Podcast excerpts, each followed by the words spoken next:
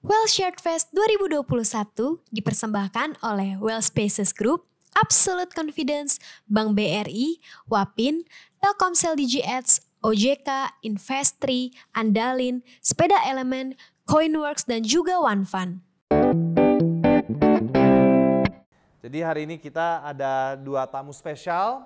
Ada Rusli yang sering dikenal sebagai Buluk dari Roughneck apa tadi? 1991 ya? Yoi. Jadi salah satu brand uh, Indonesia yang lumayan uh, apa, Apa tuh? berkembang nih dari Sabang sampai Merauke Amin. ya kan. Ada juga kita uh, Panca, uh, CEO founder dari Darahku Biru yang juga salah satu bisa dibilang OG of uh, Yoi. apa ya brand Dedengkot, cu- Pak. curator dedengkot analis Anton lah. Gue belum seoji Mas Anton. Oh, oke oke. Atau enggak ya Anton lo 11 12 lah, 11 12. Jadi ya ini uh, I think uh, dua pelaku fashion yang memang sudah mengenal industri fashion ini di Nusantara lah gitu. Maksudnya kan kalau nggak salah kalian tuh lo tuh 2009 ya mulai Darahku Biru Iya. udah melihat brand-brand uh, apa ya uh, OG yang baru Iya. muncul gitu kan Iya. dan lo juga kan uh, maybe a younger brand Yap. tapi ternyata bisa mendapatkan uh, pasar senusantara ya. Lo Sabang sampai Merauke kan ya? Yap. Roughneck Yap. 1991 ya. Karena ya bener. Keren banget, keren banget. Jadi uh, di pandemi ini kan ya biasalah orang tuh suka bertanya-tanya gitu ya guys. Kayak how's the fashion industry doing sih selama pandemi? Karena kan logikanya kan ya kita di rumah apa ngapain beli baju belanja gitu kan. Tapi ya lucunya gue ngobrol sama beberapa brand justru eh jangan salah yuk. Justru gue cuan banget nih. Oh ya lucu juga tuh. But I don't know, ini kan gue selaku ya dengar-dengar doang. Tapi kalian sebagai pelaku industri nih, how how do you see uh, selama ini pandemi itu apa impactnya terhadap industri fashion Indonesia sih sebenarnya? Terus dulu nih, langsung yang dari pelaku. Pelaku Aduh, brand oke. nih ya. Langsung dari pelaku lah. Siap. Jadinya wah awalnya emang lumayan panik sih gitu. Lo, lo jadi brand tiba-tiba pandemik. gue dulu penjualannya kayak mayoritas itu masih 60 sampai 70 persen itu offline Hmm. gitu dari dari event or dari store gue kayak gitu Sorry, ini sebelum COVID. sebelum covid. Oh, gue ada online gitu tapi online gue eh, nggak se nggak semasif itu gitu. bahasa basi lah ya dulu. Iya ya lebih lebih lebih ke untuk branding lah ya gitu. Uh, uh. Walaupun udah jualan online gitu, tapi uh, untuk presentasi masih jauh lah. Gitu pas uh, covid kita juga lumayan, aduh gimana nih rem nggak ya? Saat itu soalnya udah mendekati uh, kita di lockdown itu uh, udah mendekati Lebaran. Kita udah produksi lumayan gila-gilaan sih untuk wah karena event itu bisa 40 kota gue. Kayak gitu waktu itu ada rencana event 40 kota. Uh, kita akhirnya batal itu event. Wah, kita akhirnya ini ke mana kita buang barang kayak gitu. Akhirnya ya udah gi- gimana kita kita langsung hubungi beberapa partner marketplace kayak gitu nih gue punya barang segini kayak gitu gimana caranya kita apa namanya kerjasama untuk ngebus di online gitu. Oke. Nah, kita jalan kerjasama gitu. Dan kebetulan jadi di online gue eh, di di Instagram gue lumayan lumayan aktif lah bisa dibilang gitu. Engagement gue lumayan banget gitu. Ah, lo kan- sebagai Rusli atau lo sebagai Rafnek? gue sebagai Rafnek tapi Rafnek sebagai sosok. Asik. kayak gitu. Rafnek sebagai sosok. Ngobrol gitu. Adminnya itu benar-benar ngobrol gitu. Iya. Ah, ada kedekatan yang intim banget lah sama customer-customer gitu. Dan mereka ternyata gitu mereka shifting juga ke online Hmm. gitu mereka eh, eh, rame-rame benar-benar belanja online gue cuma untuk edukasi doang gimana cara caranya mereka untuk pindah ke online sih gitu. Nggak beda kok kayak gitu. Akhirnya gue aktifin COD segala macam segala macam gitu. Akhirnya ya alhamdulillah eh, kita survive sih. Hmm. kayak gitu untuk melewati pandemik. Sorry, survive doang, yakin. eh tersombong yuk nggak boleh. Eh, Jadi tadi bilang lu lu senang-senang lu orang ini Tapi gitu gitu gue kan sebenarnya kadang gue tuh jalanin Wellshare ini bukan pingin kayak ngasih lihat kalau menyombongkan bisnis ini ternyata thrive nih dari COVID. Tapi sebenarnya tuh ingin ngasih mereka tuh harapan gitu. Karena ternyata even though regardless pandemi happens, mungkin tadi lo bilang kalau sempet takut atau apa, but turns out ya ternyata you, you're actually growing really well selama ini kan. lu bayangin aja sendiri sih kayak misalkan eh, budget lu budget offline buat Hmm. event 40 kota itu kan lumayan ya. Kayak gitu. Ternyata gue nggak pernah spending segede itu di online gitu maksudnya. Dulu Berarti- takut-takut justru pasti di online. iya iya iya. Kayak di online uh, biasa aja gitu. Gue spendingnya biasa aja tapi di offline kan uh, lo tahu sendiri kalau misalkan belum event bayar eventnya belum bootnya belum segala macam dan itu banyak 40 kota saat itu bulan puasa gitu. Buat gua sikat di online ya udah ini biaya marketing jeprot gua. Dengan budget yang sama di offline. iya lu bayangin aja itu impactnya gimana di online jebret kayak gitu. Tapi nggak tahu waktu lo ibaratnya ini lo eksperimen lah. Karena ini ini I don't know ini something yang gue dapat sih kalau gue ngobrol sama beberapa brand ya. Kayak kenapa lo nggak spend marketing digital? Ya gue digital nggak dapat nih kayak nggak orang nggak dapat feelnya apa. Jadi mereka lebih pede ya tadi lo bilang offline dan apa. Dan ternyata lo coba tes spending lebih baik di online hasilnya malah lebih masif dibanding lo offline ya. Ya, dan kayak kayak dulu kayak ya udah go big or go home deh.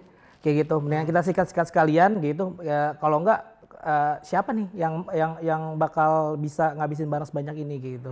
Ya udah kita gas aja sekalian kayak gitu. And ever since then ya you fell in love with fo- online focus gitu. Iya dan gue malah jadi kekurangan stok saat itu. Asli.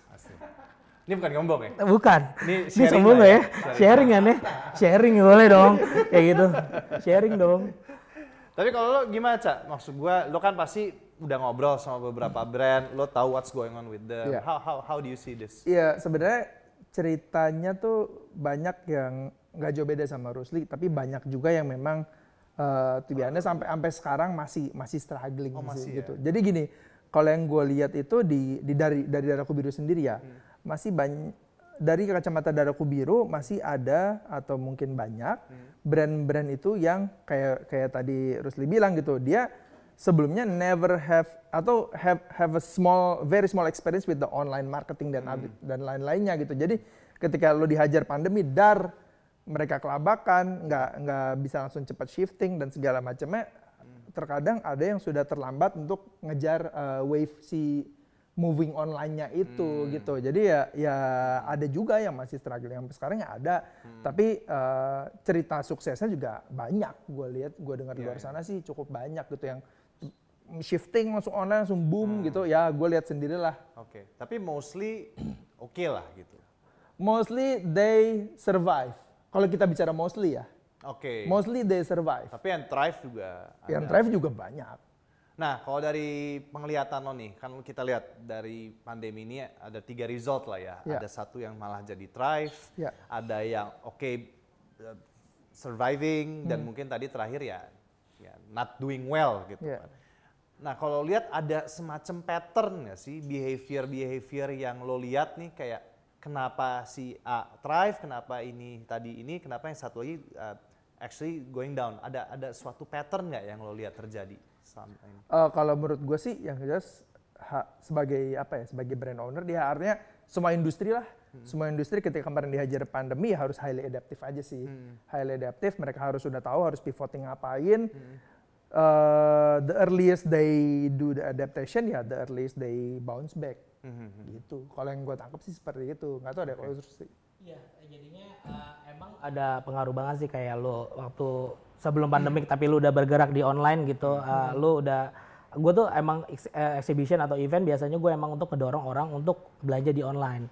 Kayak gitu apa namanya eh, kita ngadain promo-promo di di offline gitu ntar eh, kita kasih voucher code atau atau gimana biar mereka ke online gitu. Nah eh, itu benar-benar eh, kalau lu udah ter, istilahnya udah lumayan di online udah lumayan dikenal eh, mereka istilahnya gua ya pede aja gitu sebenarnya ngejalanin pas udah pandemik eh udah. Maka itu salah satu keputusan kita kayak yaudah karena kita udah lama di online kayak gitu. Masa iya sih kita nggak bisa ada adaptif di pandemi kayak gini? Udah akhirnya kita gas Karena sebenarnya gini juga sih, kita bisa mungkin sama-sama agree gitu. Ketika kemarin pandemic hit hard, ya lo pasti online behavior lebih banyak kan. Oh iya. Everyone does that kan gitu. Jadi ya sebenarnya ya udah udah pasti kalau lo nggak ikut nyemplung ke sana, lo nggak kebagian. Iya, iya. Gitu sih. Kayak lo telat invest Bitcoin di awal ya udahlah ya. iya iya iya Eh, lo tinggal marah-marah aja kan sekarang. Oke. Nah, tapi kan ini kita tadi menjawab adalah brand-brand yang sudah exist pre-COVID. Ya. Dan mereka adapt. But gue nggak tahu ya, is there any like new brands emerging actually dari COVID nih, during pandemi? Ada ada ini nggak sih? Gue jujur gue gue belum cek sih, but I don't know if you guys notice kalau ada gitu. Kalau sepenglihatan gue di DB ya, eh gue kayaknya belum lihat sih ada brand baru ya. Justru orang mungkin lagi takut kali buat mulai. ya. Bisa jadi mereka lagi pada takut untuk mulai atau ya cuman di, itu kayak kayak double sided coin sih gue bilang ya. Hmm. Ketika orang takut tapi ada satu satu sisi lain yang emang mereka ngeliat ah gue masuk aja, gue yakin ini akan bounce back 2022. Gue kalau nggak masuk sekarang gue akan kebagian nanti wave 2022. Exactly. Tapi mungkin ada yang kayak gitu gitu. Itu yang yang gue perhatiin sih, nggak tahu bener atau enggak. Iya, gue juga nggak notice sih kayak mungkin ada, tapi kalau masker lu masukin kategori fashion gak sih? Iya. Eh, Tapi ini something yang gue pernah bilang kalau kita ngelihat dulu orang uh, pakai kaos, awalnya kaos buat nutupin baju, akhirnya digambar-gambarin, and I think I think masker is now another uh, kategori nggak sih? Iya iya kan? iya itu dia maksud gue eh, banyak banyak. Sekarang bermuncul-munculan masker-masker yang menurut gue wah keren nih wah keren nih kayak gitu dari pandemik kayak gitu. Makanya emang eh, emang pandemik nggak melulu masalah kehancuran tapi ternyata blessing in disguise juga gitu. Timbul kategori baru kan? Iya, Tadi iya. orang mungkin compete di uh, leher ke bawah gitu. Benar. Sekarang ada tambahan lagi. Yoi. Face mask Iya. ah, ah. Nah, tapi sekarang kalau speaking of mask ya, apa sih brand yang lagi terkenal ya secara you know fashion gitu buat mask? Is there any yang you notice? Well, I mean everybody's trying to release lah, Iya, gitu, tapi iya, I'm iya. just curious kalau ada yang Ravnek ngeluarin kok sekarang. darah biru juga ada kan? Darah biru kemarin kita bikin. Kita bikin masker. eh, Oh, kalian sama itu sempet ya? sama Eh, Bluesville. Hah? Sama Bluesville. Ya buat um, apa sih itu yang yang yang non profit tuh yang Apa? ya? Oh iya, sempat sempat sempat sama ma- masker untuk ID. Nah, itu kan. Ah, itu kita gitu bikin. ya. Heeh. Itu kita eh, yang first wave-nya itu Hmm. Habis itu pas buat Wall of Fates yang buat event online kita kemarin kita juga bikin kolaborasi masker juga. Hmm, Gitu. Oke. Kok gak diajak sih? Lu diajak. Lu diajak sama Shopee-nya, Bro. Tapi dia nggak mau. Sibuk tadi kan diajak, aduh gua jadi kehabisan barang, gimana ngurusin gini-ginian. Ntar April ya. Iya iya. iya. Oke, nah tapi kalau untuk ya I don't know ya, tadi kan mungkin dari eh, ya Rusli gitu, lo kan mention kalau ternyata dengan pandemi ini ternyata ya we did not expect the growth happen to be there. Iya. ya mungkin bocoran sedikit ya, naiknya tuh luar biasa guys, gue sampai shock. gue juga shock. Ah, jangan dia gue juga Bener shock. lo bro. Gitu. Tapi ya itu, gue penasaran. Jadi awalnya gue pandemik itu emang lumayan awalnya lumayan deg-degan gitu sampai gue sampai saat ini sih gue take over admin Instagram. Saat itu langsung gue take over admin Instagram kayak gitu eh, langsung gue ajak ngobrol customer customer gue di di story kayak gitu kayak eh, gimana nih eh, gimana sih uh, biar mereka engage gede banget gitu sama kita gitu. Gue benar-benar akhirnya sampai sekarang gitu, gue ajak ngobrol di Instagram di di story story gue kayak gitu. Gue memposisikan gue sebagai ya gue nggak beda sama kalian gitu. Customer gue tuh sahabat gue banget lah istilahnya. Jadi kalian Kayak ngikut gitu. ke mereka gitu Iya lah ya, iya iya iya iya. gitu Jadinya ya. gue nggak peduli lu beli apa enggak gitu. Ah. beneran gue ajakin ngobrol bener-bener asik-asikan dan ternyata gitu ya emang itu cara yang oke untuk naikin engagement gitu. Gue gue nggak tahu teori-teori apa sebelumnya gitu Tapi tapi lu kan sendiri. sendiri Lah, dan gue ajak ngobrol. ada banyak gimana? Enggak enggak. Uh, untuk di Instagram gue palingan mainin di story uh, pakai uh, main story. Kira-kira gue ambil topik apa sih yang bisa kita bahas gitu rame-rame kayak gitu. Uh, mereka reply reply reply gue angkat lagi kayak gitu ke mereka. Ternyata iya iya iya iya iya. Oh gue kira satu-satu DM-DM-an gitu capek juga bro. Enggak enggak pak enggak pak. Jadi gue angkat uh, rame-rame. Ternyata itu naikin engagement banget, engagement rate banget dan itu ternyata naikin selling secara signifikan kayak gitu. Ketika gue ngobrol-ngobrol gitu karena emang algoritma Instagram yang eh, apa namanya eh, caranya emang seperti itu. Gimana caranya biar lu spread lu gede, ya eh, lu- harus banyak engagement dari dari followers-followers lu gitu. Nah akhirnya ternyata itu impact sellingnya lumayan gede banget. Nah itu juga akhirnya gue juga budget-budget ads segala macem uh, gue naikin banget karena dari event-event yang batal sebelumnya kayak gitu. Ya udah, alhamdulillah. When you say ads tuh apa buat Instagram? Instagram atau- ads, Oh. iya. Sekarang udah nambah ke Tik- TikTok ads juga kayak Oh, gitu. even Iya TikTok iya, ads? iya iya. Soalnya uh, market gue terus terang aja banyak di di TikTok kayak gitu. TikTok gede sih. Even for other fashion brands juga Gede, ya. gede banget.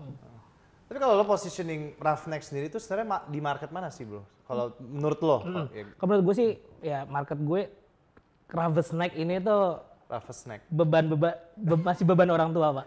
Oh, maksudnya anak-anak kuliah, Kuliah, gitu. SMA gitu. Makanya mereka emang nggak pembeliannya bisa dibilang eh, basket case mereka tuh nggak gede kayak gitu. Terus eh, nggak sesering itu beli baju gitu. Makanya eh, kalau gue sih mikirnya gimana eh, gimana caranya terus mereka inbound eh, eh, baru ada yang baru ada yang baru lagi kayak gitu terus terusan kayak gitu. Roughneck. Mm-mm. Itu teman-teman gue semua. Halo Raffi. Kalau lo Cak, gue penasaran adalah em, ya kita tahu lah ya kemarin zaman eh, tahun lalu tuh yang namanya influencer, selebgram kan makin naik lagi juga gitu kan. Malah gue denger brand are actually paying more and more volume and everything. Tapi kalau di industri fashion sendiri tuh masih actively pakai tuh influencer ya. Eh, jadi gini, sekarang kita melihat influencer itu treatmentnya sudah agak berbeda gitu. Instead of eh, hanya giving an endorsement, lebih seru kalau ternyata kolaborasi. Gitu kan eh, sebenarnya se- semenjak semenjak 2019 lah. Semenjak 2019 itu kan kata-kata kolaborasi itu kan emang lagi lagi seru banget, lagi sering banget dipakai tuh. Mau di apa aja, pokoknya eh, statementnya kolaborasi pasti keren. Selalu terbentuknya kayak gitu. Nah, eh, jadi dengan dengan metode yang sama, metode kolaborasi itu kita treatment juga ke influencer. Jadi sebenarnya pemilihan influencernya juga mulai mulai apa ya, mulai segmented gitu kayak misalkan kita nyari influencer yang visual artist, terus ujung-ujungnya daripada endorsement, oh kita bikin kolaborasi brand dengan visual artist ini gitu. Jadinya si visual si apa ya amplify-nya bisa lebih besar. Pertama bisa jadi brand A sama si visual artist adalah Ya. punya market yang sangat berbeda. Dia crossing the market. Jadi memang ya udah broad broaden aja. exchange lah Iya, ya, ha-ha, gitu exchange sih. of uh, followers gitu Iya, in a way. Oke oke. Ya, I mean, gue lihat sih banyak happening, terutama uh, ini yang gue kaget tuh, uh, mungkin kalian tahu ya sepeda elemen gitu kan. Iya. Gue kaget sih dia, dia collab sama Holy Wings lah, ini Iya. mau sama Nah, Coca-Cola, yang sama kayak gitu ini, kayak gitu sama kan itu. menarik sebenarnya. Iya keren dan ternyata sesama brand gak ya saling mau lah gitu. Nah kalau menurut lo nih buat brand-brand yang ada di sana gitu, when they want to do collaboration, of course kan ada limited waktu dan Iya. Yep. dan um, ya mungkin resource ya. Iya. Biasanya tuh yang paling efektif tuh kolaborasi between uh, brand dengan apa sih kalau fashion tuh? Apa dengan selebriti kah? Apa tadi kan lo bilang ada visual artist atau brand brand kah gitu? Uh, sekarang tuh orang yang interest tuh collaboration ke arah mana sih sebenarnya? gue gue pernah jalanin kolaborasi bareng ada street artist gitu namanya Koma Indo gitu. Itu seru sih. Maksudnya eh, gue gue gak ngincar bukan yang ngincar apanya ya bukan yang ngincar selling di sana gitu. Lebih ke eh, balik lagi ke cross marketing tadi kayak gitu. Eh, eh, di customer customer gue pasti banyak banget yang suka eh, eh, street art gitu segala macam segala macamnya kayak gitu. Akhirnya oke kita adain collaboration kayak gitu. Waktu itu gue event di mana ya? Ini sebelum pandemik gitu. Event di mana terus eh, ada dia graffiti artis itu ngegambar di jaket gue kayak gitu. Nah itu ada jaket event itu di bidding gitu. Ev- iya, iya. eh, eventnya di offline tapi gue biddingnya di online gitu. Oke. Ah, ah. dan itu cakep sih hasilnya kayak gitu. Ya pastinya. Kalau dari lu gimana bro pandangan kolaborasi? Gue ngelihatnya gini, sebenarnya kalau kalau kolaborasi ya gitu kan, dari brand ke visual artist segala macam, as long as apa ya, biasanya mereka emang udah punya agenda sendiri sih. Jadi emang udah punya agenda sendiri. Kalau gue mau nge-cross marketing, biasanya mereka tidak kolaborasi yang sejajar. Pasti mereka ya kalau kata-kata anak sekarang nyebrang nyampe, itulah yang yang kayak gitu kayak gitu gitu. Eh, itu juga yang sebenarnya kita kemarin 2019 itu kita eksperimen. Jadi eh, pada saat itu kan Kompas lagi sepatu Kompas lagi mulai udah rame nih kan sepatu sepatu Kompas udah rame, Sekarang masih happening tuh ya? Still happening Still ya? and it will keep happening Oh ya. gitu. Jadi Ini kita mau undang juga deh ini. ya, jadi ya udah kita, kita nyoba nih eh, dari audiensnya Daraku Biru diseberangin ke audiensnya sepatu Kompas. Ya. uniknya kita nggak nempelinnya bukan Daraku Biru X Kompas, kita tempelin lagi lokal brand. Jadi uh, yang kita angkat tuh dadaku birunya kita angkat, sepatu kompasnya kita cemplungin, PMP-nya kita angkat, old blue-nya kita angkat. Nah, eh, nyebrang. Hasilnya rusuh gagal launching. Terus saking rusuhnya pak. Iya. Itu masuk berita Oh, pak. itu yang waktu itu, Itu yang masuk berita. diberhentiin ya? Iya. Iya pak. Oh. Itu Nah, itu kalau nggak salah waktu acara itu kan sih sneaker pada pada ya? hari yang sama. Eh, itu sebelumnya USS sebelumnya. itu sebelumnya. Kita kita ibaratnya gulungan terakhir. gulungan terakhir dari rusuh-rusuhnya Oh, kompas. gila, sampai gagal total. Iya. Tapi akhirnya masih lanjut enggak? Eh, akhirnya eh, kita rilis 2020 before pandemi persis ya udah online aja udah Oh, karena udah offline ya? udah kayak Terlalu offline dah aduh udah deh nggak deh Seru juga ya. gitu sih Ya ya ya. Kemarin juga Kompas gue lihat tuh dia eh, sempat kolaborasi sama eh, makanan juga malah tuh. Oh, oh, Burger ya. itu activation Itu activation. itu ya. activation jadi eh, pas Kompas rilis sama Fucking Rabbits yang brand Jepang itu eh, mereka bikin beberapa activation lah ada yang hijack billboard di Sudirman terus eh, tiba-tiba ada kolaborasi sama makanan sepanjang Cipete ya kayak gitu sih itu seru sih. Nah, Nah, ya, makanya kayak lo lihat aja gitu. Sekarang eh, fashion brand aja collabnya sama makanan gitu. Da- dapat dari mananya ya bukan masalah dapat dari mana. ya. Gue pengen gue pengen loncat sana sini. Suka-suka lo deh gitu. Iya. Pokoknya kalau ya makanannya cocok, minumannya cocok, Iya. ya hajar aja gitu. Sama eksekusinya sih. Lo Iya, iya, eksekusinya iya, harus iya. keren. Kalau misalkan ah gue udah nyebrang nyebrang tapi eksekusinya gagal ya udah tetap aja. True, true, true. Nah, balik lagi kalau kita bahas eh, tren ya. Tadi kan gue sempat bilang, orang ini kan, tapi tadi gue bilang, ini kan orang banyak di rumah. Tapi nggak juga kayaknya. Enggak. Kita di sini. Sorry ya. Sorry PSBB. Udah tes kok, tenang. tapi ya, tapi gue penasaran aja sih karena eh, apa ya namanya? Eh, apakah tren orang pembelanjaan apparel tuh masih sama sebelum pre-covid apa beda nih sekarang ya? Kalau kemarin sempat mikir, oh eh, baju tidur mungkin lebih nambah karena orang lebih banyak di rumah, but I don't know man. Makanya, how, how is it Eh, in terms of behavior? in terms and behavior, honestly, ka, apa ya? Kalau yang gue lihat people banyak pindah ke lokal brand. Itu sih the, the good thing from pandemic. Bukan masalah salesnya naik atau apa. People switching ke lokal brand. Banyak itu kelihatan kok. Isunya? Uh, they don't go to malls. Ah, oke. Uh, even even mall brands mungkin tidak aksesnya tidak tidak semudah sama Roughneck. Roughneck ada di Shopee, ada Tokopedia dan lain-lain. Ya, dan Gitu. juga mungkin barang-barang impor juga kan agak agak Benar. ketahan atau Iya, apa gitu ya. uh, gitu sih. Dan orang mungkin nggak bukannya nggak belanja, mungkin lebih memilih dan lebih memilih dan lebih benar-benar mikir ini kira-kira gue beli worth it nggak ya kayak gitu. Eh, apalagi kalau misalkan mungkin yang kena imbasnya banget banget banget itu mungkin eh, kalau lu jualan di kelas B kayak gitu-gitu. Mungkin lu kena imbasnya banget gitu. Iya, iya, Ah, iya. ah, Itu tapi kalau ah, ah.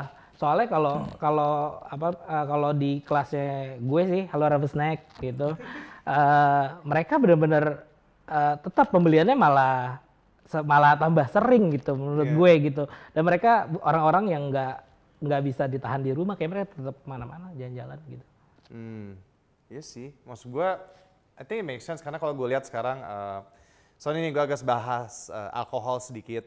Kalau kita tahu kan alkohol kan lagi susah karena pandemi. Tapi gue lihat juga ini lagi rise brand-brand lokal gitu. Iya, Benar. Malah kan banget. ada barang-barang apa tuh kayak eh, whisky Batavia lah, Iya, iya, iya. vodka Alpha lah. Iya, Ini iya. kayak ini dari mana? Gue kira ternyata itu buatan Serang, buatan Iya. mana? Ternyata orang tua. Iya. Dan, dan I think this pandemic actually good opportunity for local brand to be acknowledged gitu. Benar. Yang mungkin dulu orang ah udah impor aja atau apa, but then mungkin awalnya oke gue gak ada choice, oke gue coba deh. Ternyata suka gitu. Ternyata nggak salah kan we like uh, local produce bukan karena bukan berarti kita support karena apa ya karena oh ya lokal nggak Iya. juga Iya, karena bukan, ya ternyata well honestly it's not that far away. iya benar Iya. benar Tapi again you also help the economy of Nah, itu us sih, itu, benar. sendiri gitu kan.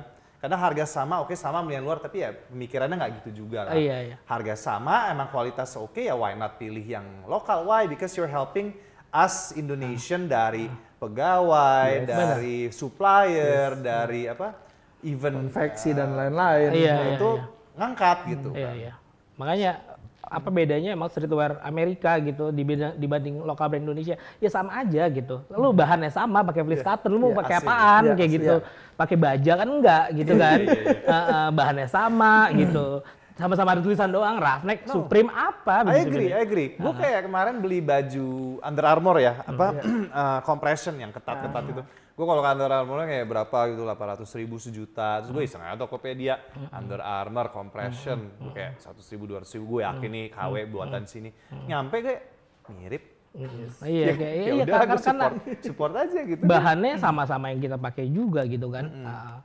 Justru lokal brand itu dari tahun 2017 ke 2018 itu sebenarnya udah banyak yang jualan keluar. Satu eh, artinya eh, ditusinya keluar ya. Dari itu customer keluar itu satu udah ada. Mereka eh, banyak punya juga channel-channel di luar. Toko-toko resellernya dia di mereka di luar ada juga. Ya, true. Lalu juga ada juga beberapa brand yang memang sudah sampai di tahapan ikut show di luar, gitu kayak kayak tahun 2019 kalau nggak salah tahun 2019 itu kayak Bluesville itu dia ke agenda show di Amerika.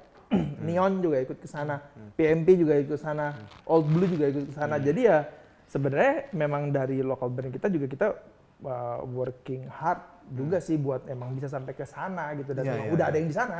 True, true, true. Uh, dan gue belum lama di kontak sama uh, dia majalah Jepang.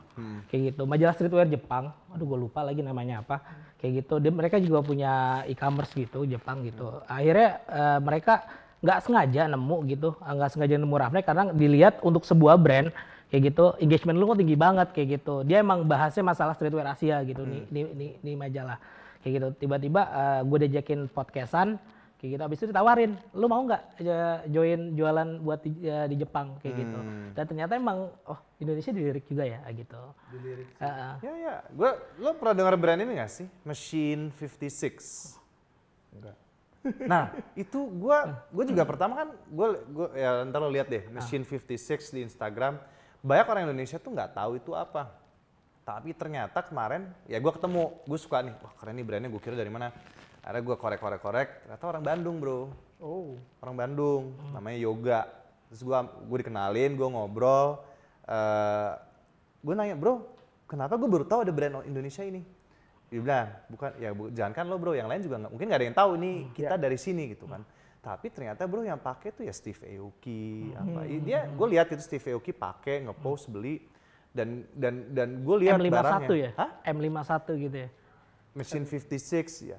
Nanti coba di Ya, aja. itulah, ya, itu. gua- gua pernah- Ah, pernah ah. lihat, pernah lihat. Jadi sekarang memang kalau di Indonesia tuh lagi banyak dipakai oleh eh, e-sports. Oh. Jadi kemarin Morph Team apa segala tuh eh, pakai mereka gitu. Nah, anyway eh, regarding tadi lo mention kan em, di TC ke luar negeri. Ya. Nah, itu yang gue kaget, gue ngobrol, gue kira ya ini brand keren-kerenan mungkin ya berapa sih yang beli? Gue kaget, men. Tapi ya again, selain tadi Machine 56 itu ada nggak sih lo brand lain yang mungkin di sini orang nggak kenal gitu, tapi ternyata di luar cukup besar gitu. Ada. Apalagi Eh kalau di Daroku Biru sih ada namanya Orbit Gear. Orbit Gear. Orbit Gear tuh cocok nih sama lo yo. Lo kan suka technical technical Ah, gitu iya, sambil betul. nembak segala macam Ah, gitu kan. Boleh boleh boleh. Lihat. Orbit Gear itu jadi memang dia specialty-nya di tech techwear lah kita bilangnya techwear yang emang highly utilitarian gitu segala macam dia starting as a back brand tapi eh, mereka nambah juga di lining apparelnya dan lain-lain. Itu 80% market mereka adalah luar. Hmm. banyaknya ke Eropa. Jadi bukan Asian loh. Keren, Eropa. Nah, ya. I see, I see, I see. Jadi mungkin kalau memang mau marketnya keluar, kalau mau ya ibaratnya kalau mau aneh aneh sekalian kali ya gitu. Nggak ya. jadi gini, bu- bukan soal anehnya. Kalau yang kalau yang gue lihat dari si Orbit Gear adalah Hmm. price quality ratio-nya tuh pas. Jadi emang dia bikin sebuah barang yang bagus Hmm. kualitasnya dan dinilai juga sama orang luar bagus, tapi dengan harga yang di cukup di bawah rata-rata di sana. Jadi ya udah, kayak misalkan gue beli tas gitu, tas yang udah highly apa ya, highly equipment 200 dolar bro, ya sikat biasanya dapat 500. Oke, kalau gitu mungkin ada pertanyaan terakhir buat kalian, mungkin buat sharing ke teman-teman ya. Eh, I don't know man, mungkin ada semacam advice kah buat teman-teman kita yang sedang menjalankan brand di saat ini? how should they do it nih, especially now? Kalau menurut gue ya emang em- emang sekarang masanya lagi di online ya di push aja onlinenya kayak gitu uh, semaksimal mungkin. Uh, lu karena lu jualan di online jangan lupa konten konten lu harus uh, bagus kayak gitu. Lu usahain gimana cara konten lu bagus. Gak perlu alat-alat mahal kok untuk jadi bagus kayak gitu. Terus uh, jangan pelit-pelit juga kalau misalkan lo mau ads atau lo mau atau mau kolaborasi kayak gitu Eh, lakuin aja gitu itu aja sih pesan dari gue Oke, kalau dari gue sebenarnya gini, eh, intinya brand itu harus punya cerita sih. Kalau kalau menurut gue ya, brand itu harus punya cerita. Ketika brand itu harus punya cerita dan bisa relevan sama kondisi sekitarnya, orang itu akan kehook sama brandnya gitu. Jadi eh, misalkan lo, lo sekarang lagi lagi creating a brand gitu, lo harus eh, emang lihat sekitar, lihat sekitar tuh lihat kira-kira orang tuh sekarang interestnya lagi ke mana. Ada yang lagi interest ke Korea, ada yang lagi interest ke sport, ada yang lagi interest ke streetwear. Nah ya udah tinggal dipilih aja mau mau masuk ke mana, tinggal diterjemahkan dengan cara brand lo menerjemahkan sebuah ide kreatif gitu sih. jiplak amat gitu Bukan lah ya, jiplak-jiplak maksudnya. amat, Heeh, gitu sih. Sama ya tadi semua udah diwakilin lah masalah digital. Everyone goes digital, jadi you have to follow the wave sih. Oke guys, kalau gitu thank you so much sudah sharing buat teman-teman Thank you, kita di rumah. Oke teman-teman, eh, semoga tadi dapat banyak ilmu eh, dari eh, Rusli dan juga eh, Panca. semoga buat kalian yang lagi menjalankan brand atau memulai, ya bisalah eh, ikutin tadi beberapa pendapat-pendapat mereka lah, khususnya di masa ini. Oke kalau gitu, eh, again thank you guys, much appreciated. Thank you, yo. Mungkin kita uh, pamit dulu. Uh, sampai jumpa di Well Shared uh, session berikutnya guys. See you. Bye. Bye-bye.